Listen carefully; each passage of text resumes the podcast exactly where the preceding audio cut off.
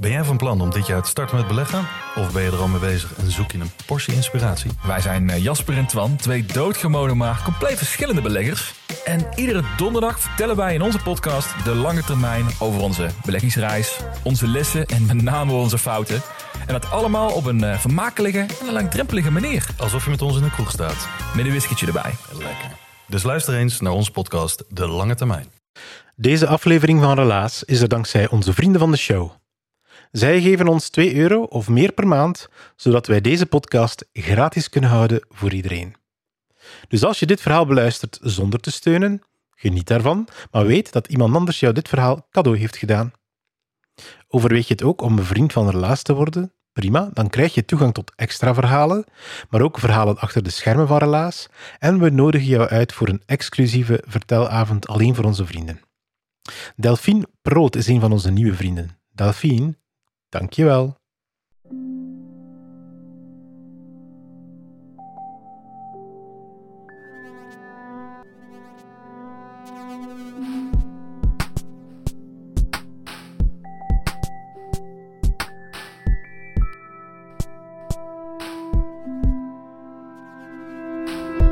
Hey, ik ben Pieter van Relaas. In Relaas vertellen mensen waar gebeurde verhalen die ze zelf hebben meegemaakt. Valerie die vertelt haar relaas live in Hoogmis in Antwerpen. Dat was in mei van 2023. Haar verhaal begint in Damme en het gaat over loslaten. Bijvoorbeeld het juk van jouw geboortedorp loslaten. Of het soms promiscue gezag van je ouders durven loslaten. En dan de vlucht vooruit nemen. Valerie, die kan dat.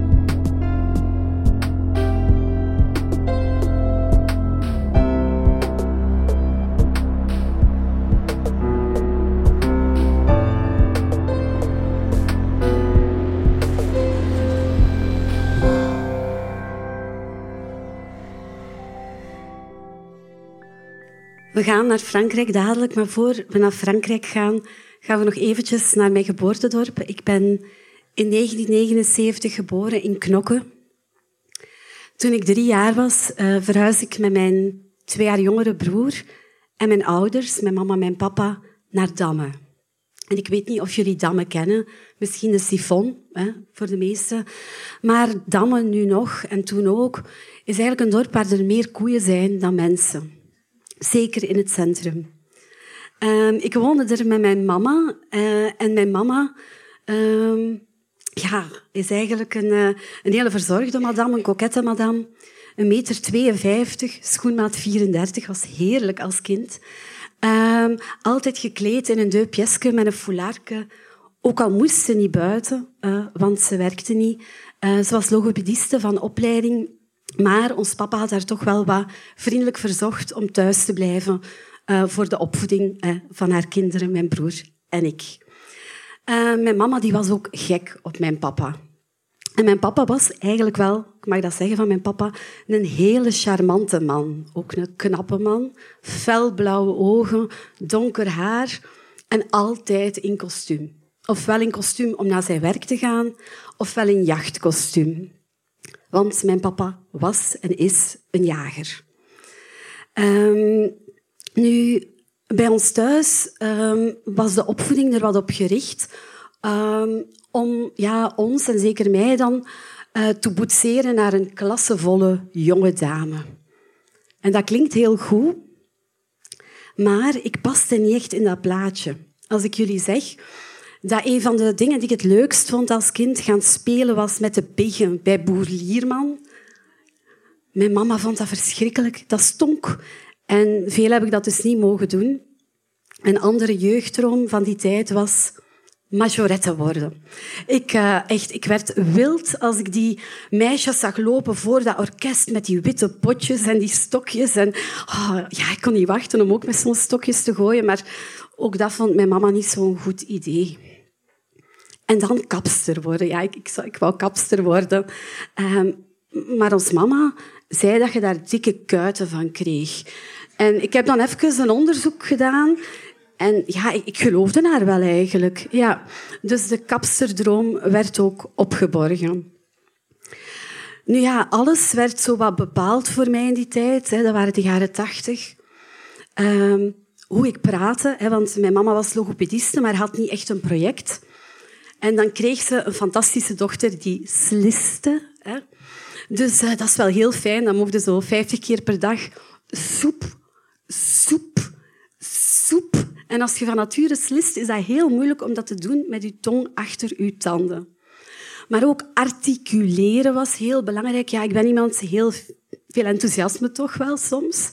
Ik kan ook heel snel praten. Uh, ik zeg altijd, als er een wereldkampioenschap snel praten bestaat, ik win het. Uh, maar ik ben heel erg mijn best aan het doen voor jullie om het ook wat verstaanbaar te houden.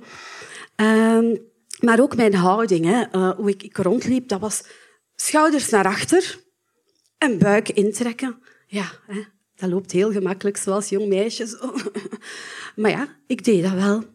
Maar ook mijn, mijn kapsel, ik had ook een mooi karreken. Ehm, dus dat werd allemaal wat voor mij bepaald. Maar wel met de beste bedoelingen. Want eh, nu zie ik jullie denken, mijn ouders die bedoelden dat goed. Die, die zien mij graag, zagen mij graag.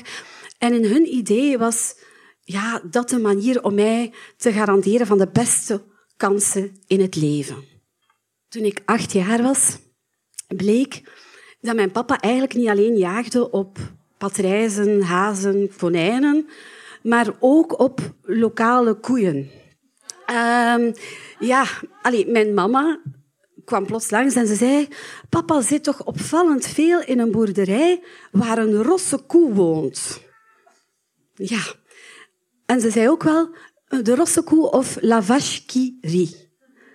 En ik moet eerlijk zeggen, telkens dat ik nu naar die smeerkaasjes kijk... Ik weet niet of je het kent met die gouden oorring. Uh, wel, het brengt heel wat jeugdherinneringen terug. Uh, nu ja, papa ging dus vreemd uh, en dat mocht eigenlijk niet geweten zijn, want het was toch wel heel belangrijk wat andere mensen van ons gingen denken. Dus ik zweeg daar ook over. Hè. Dat was uh, heel oké. Nu, van binnen, ik denk dat jullie dat ook wel kunnen volgen, was dat natuurlijk iets minder vrolijk. Ik had het daar wel heel lastig mee. Ik was ook heel bezorgd dat ze gingen uiteengaan. Uh, en drie jaar later, uh, op maandag 2 september, Uh, je moet je voorstellen, ik zit klaar. Ik ga naar het eerste middelbaar. Ik zit klaar in mijn nieuw uniformpje, mijn grijze rok. Uh, een blauwe trui met een embleem van de school. Want ik ga naar uh, een school waar je gaat toegesproken worden af en toe als toekomstige elite van België. Zo voelde ik mij helemaal niet.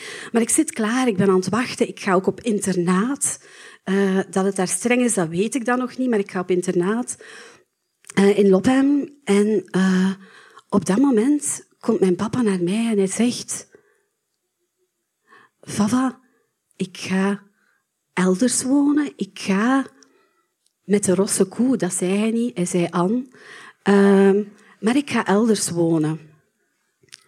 Ja, en ik, ik verschoot toch wat. En ik moet zeggen, dat beeld van die groene Mercedes die daar van onze lange oprijlaan wegrijdt, op die eerste schooldag, dat is een beeld dat mij nog altijd raakt. Als ik, als ik daar even aan denk, ik denk ook dat je dat hoort in mijn stem. Maar papa was weg. En ik, ja, ik, ik moest naar internaat. Dus ik uh, heb toen ook die namiddag, um, ganse namiddag, uh, kennismakingsspelletjes gespeeld in de vijver van Lophem. En opnieuw gedaan waar ik goed in was, namelijk doen alsof het mij niet veel deed.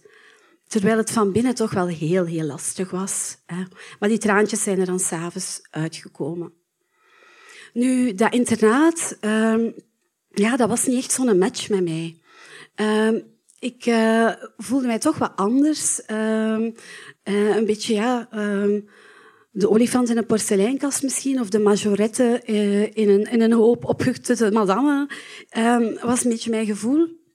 En ja, jullie hebben allemaal op middelbare school gezeten. Als er nu iets is wat op de middelbare school genadeloos afgestraft wordt, is het wel anders zijn. Dus het is daar best wel lastig geweest. Ik ben daar de laatste drie jaar dan ook wel heel stevig gepest. Nu, ik telde af. Um, ik had echt zoiets van, god, oké, nog vijf jaar, nog vier jaar, nog drie jaar. Ah, en uitkijkend naar de dag dat ik daar eindelijk zou mogen vertrekken. Nu, het lukte ook. Ondanks dat het moeilijk was, ik haalde mijn diploma Latijn-wiskunde, ja, wat anders. Um, En ik uh, moest tests doen, hè, want uh, het PMS, nu het CLB, ging mij zeggen wat ik best zou studeren. Dus ik was ook wel heel benieuwd wat het vrije leven mij zou brengen. En uh, die lieve dame zei mij, op basis van uw tests hebben wij de ideale job voor u. Jij wordt leerkracht. En ik dacht, nee, nee, nee, nee, nee. Ik heb hier niet zes jaar mijn best gedaan, bloed, zweet en tranen gelaten, om dan te gaan studeren, om nog eens te mogen terugkomen. Daar zag ik echt de logica niet van in. Dus ik wou psychologie doen. Ik wou ook wat beter begrijpen wat, wat, ik zelf... Want in mijn opvoeding waren emoties niet zoveel aan bod gekomen. Dus ik dacht, ja, psychologie in Leuven.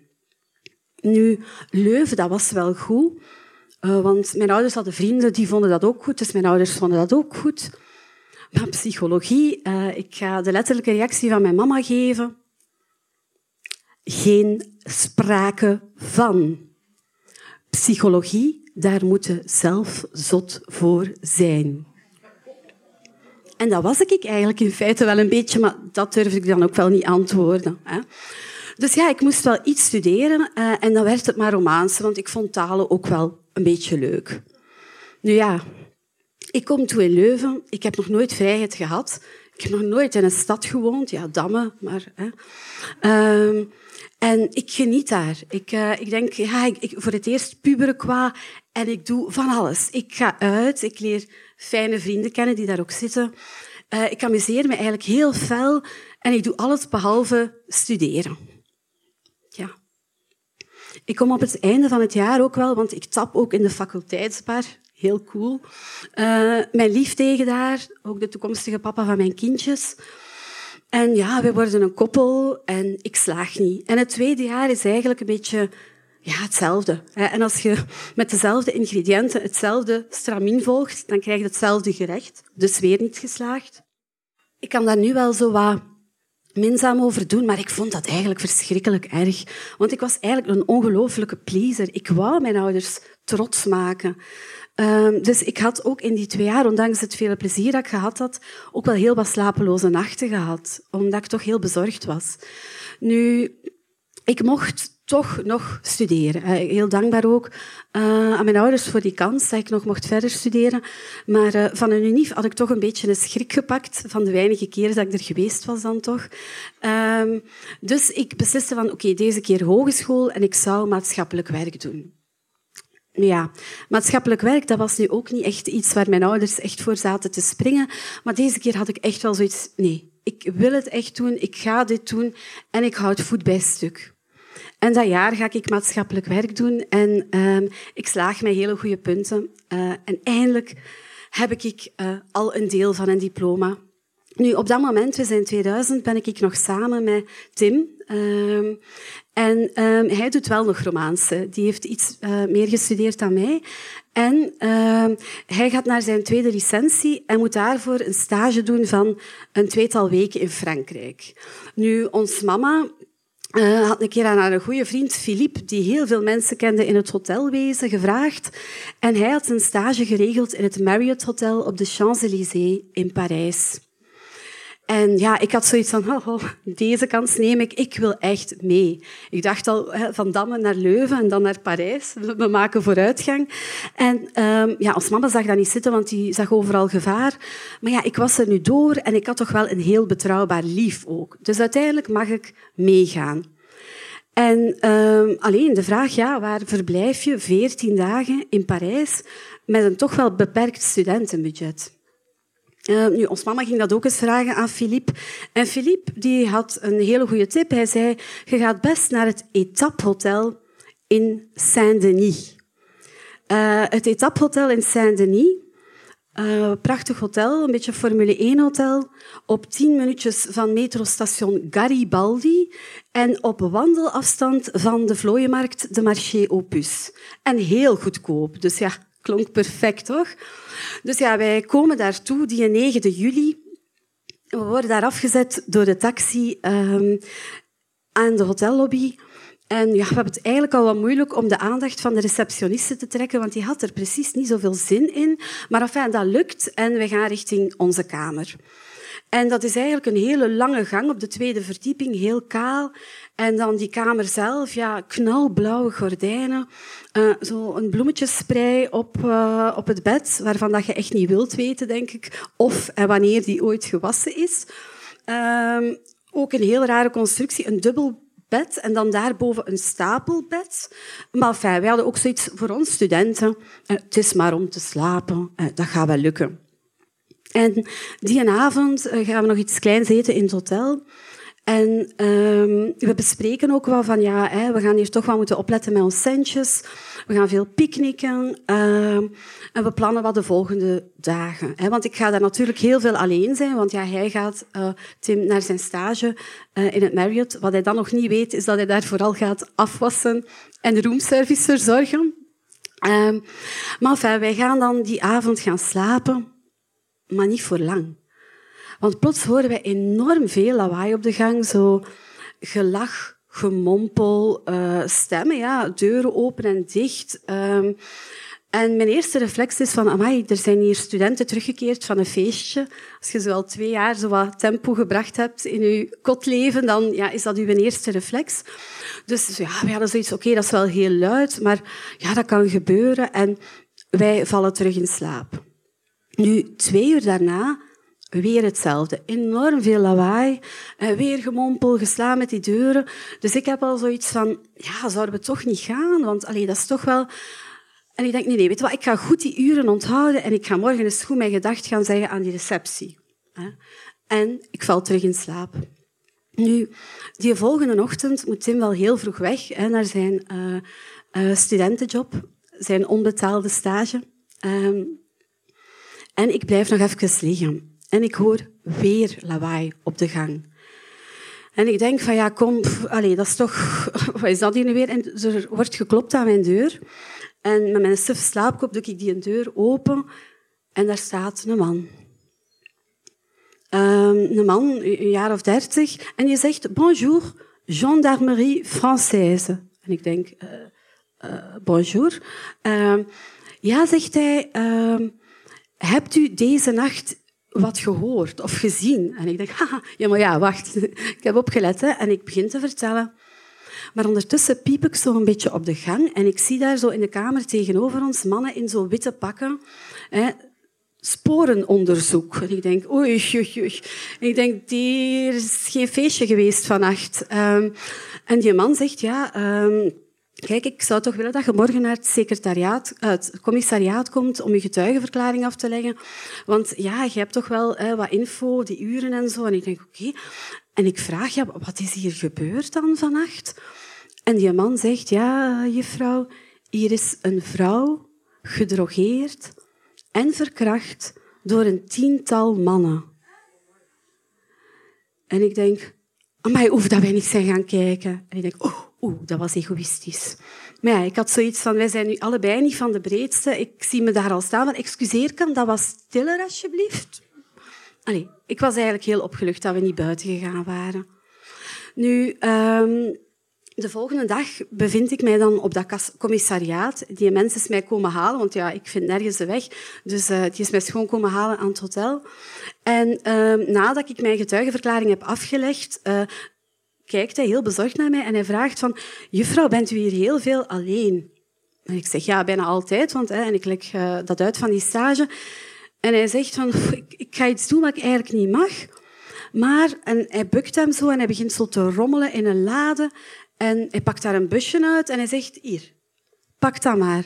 Voor als er iets gebeurt in die buurt, dan kunt u verdedigen. En ik heb zoiets van... En ik krijg een busje pepperspray met het embleem op van de gendarmerie Française. Ik denk, oké, ja, in de chacos. Hè. Dus ja, ik pak dat mee en, en, ik ga weg. En ik moet nu eerlijk wel zeggen dat de dagen die, die dan hè, volgen, Ah, ik voel mij niet echt op mijn gemak in die buurt. Um, dat, zijn de banlieues, Saint-Denis. En ik moet elke dag tien minuutjes stappen van het hotel naar uh, het metrostation. En dan word ik ja, nagefloten, maar ook aangesproken. Sigaret, sigaret. En ja, dan ook uitgemaakt. Allee, ik weet niet of het uitmaken was, maar ik verstond die, of ik versta die talen niet. En ik heb zoiets van, oké, weet je, ik moet hier gewoon doen alsof dat, dat mij niks doet. En dat was nu wel iets wat ik door mijn opvoeding wel al wat goed kon. Dus uh, dat lukte mij ook wel vrij goed. Dus ik uh, stapte stoer. Ik deed van, haha, echt waar. Ik heb wel nooit een rok durven aandoen daar. Ik had twee broeken bij, daar is het ook bij gebleven. Um, maar ook Tim hè, uh, heeft zoiets van, ja, weet je, dat is hier precies toch niet de beste buurt. Um, ja, um, maar ja, weet je, we hebben dat hotel al gans betaald. We hebben ook geen extra budget. En ik zou ook nooit naar thuis gebeld hebben om te zeggen van ja, mama, er is hier een vrouw verkracht. Uh, ik denk, mijn mama was direct in de auto gesprongen en mijn avontuur was gedaan. En ik had echt dus, deze pakken ze mij niet af.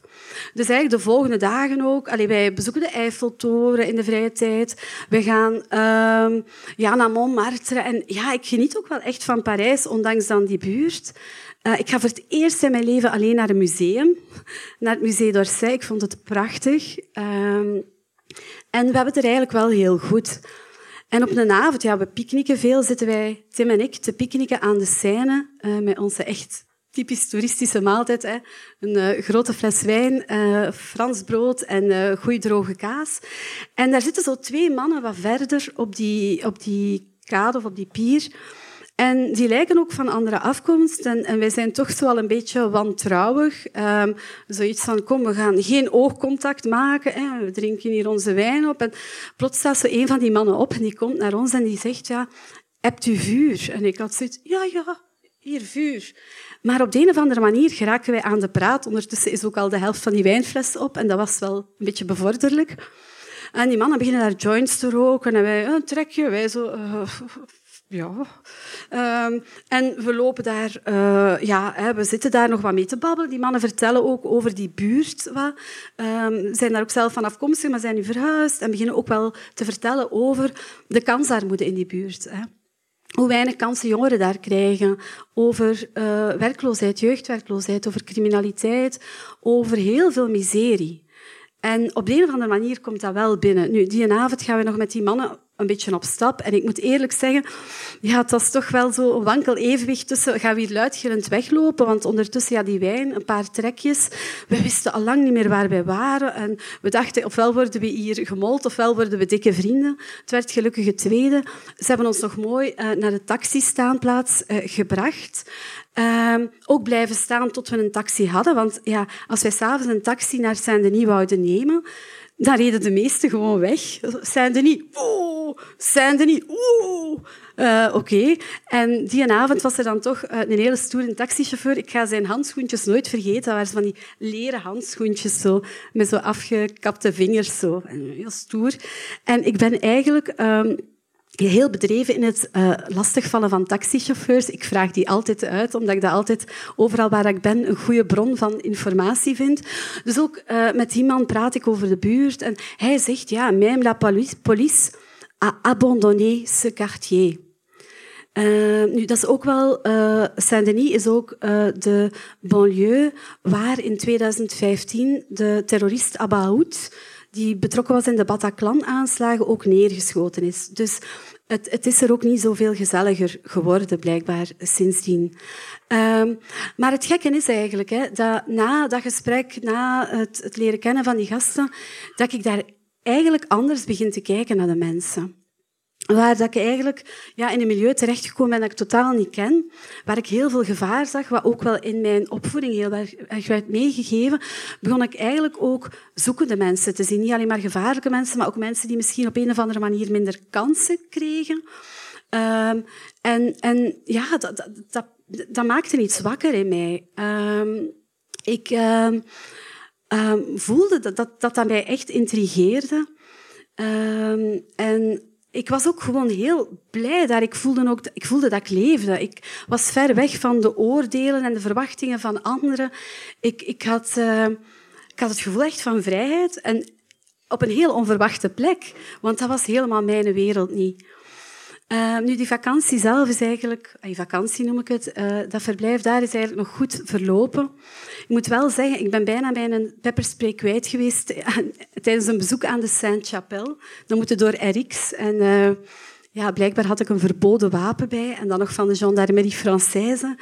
Maar uh, toen dat die man hoorde waar dat ons hotel was, heb ik die mooi teruggekregen en zei, houd dat maar goed bij.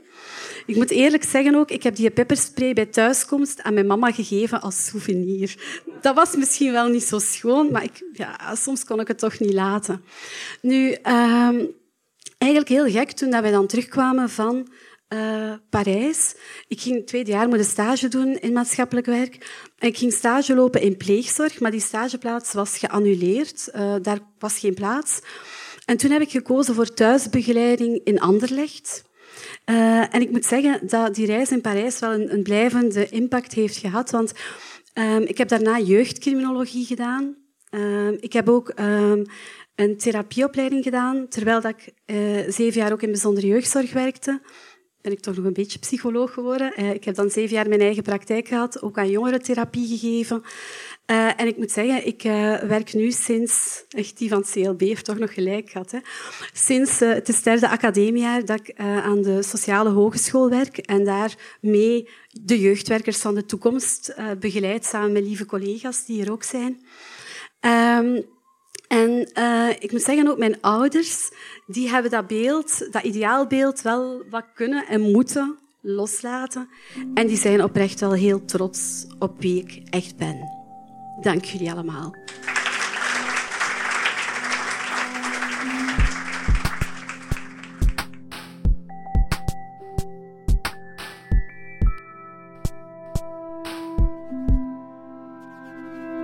Dat was het relaas van Valerie. Ze heeft het verteld in Hoogmis in Antwerpen. Naast mij zat iemand uh, met een blik van herkenning toen Valerie het had over haar moeder. Die zei, toen ze psychologie wou gaan studeren, psychologie, daar moet je zelf zot voor zijn. De persoon naast mij had ook zo'n moeder.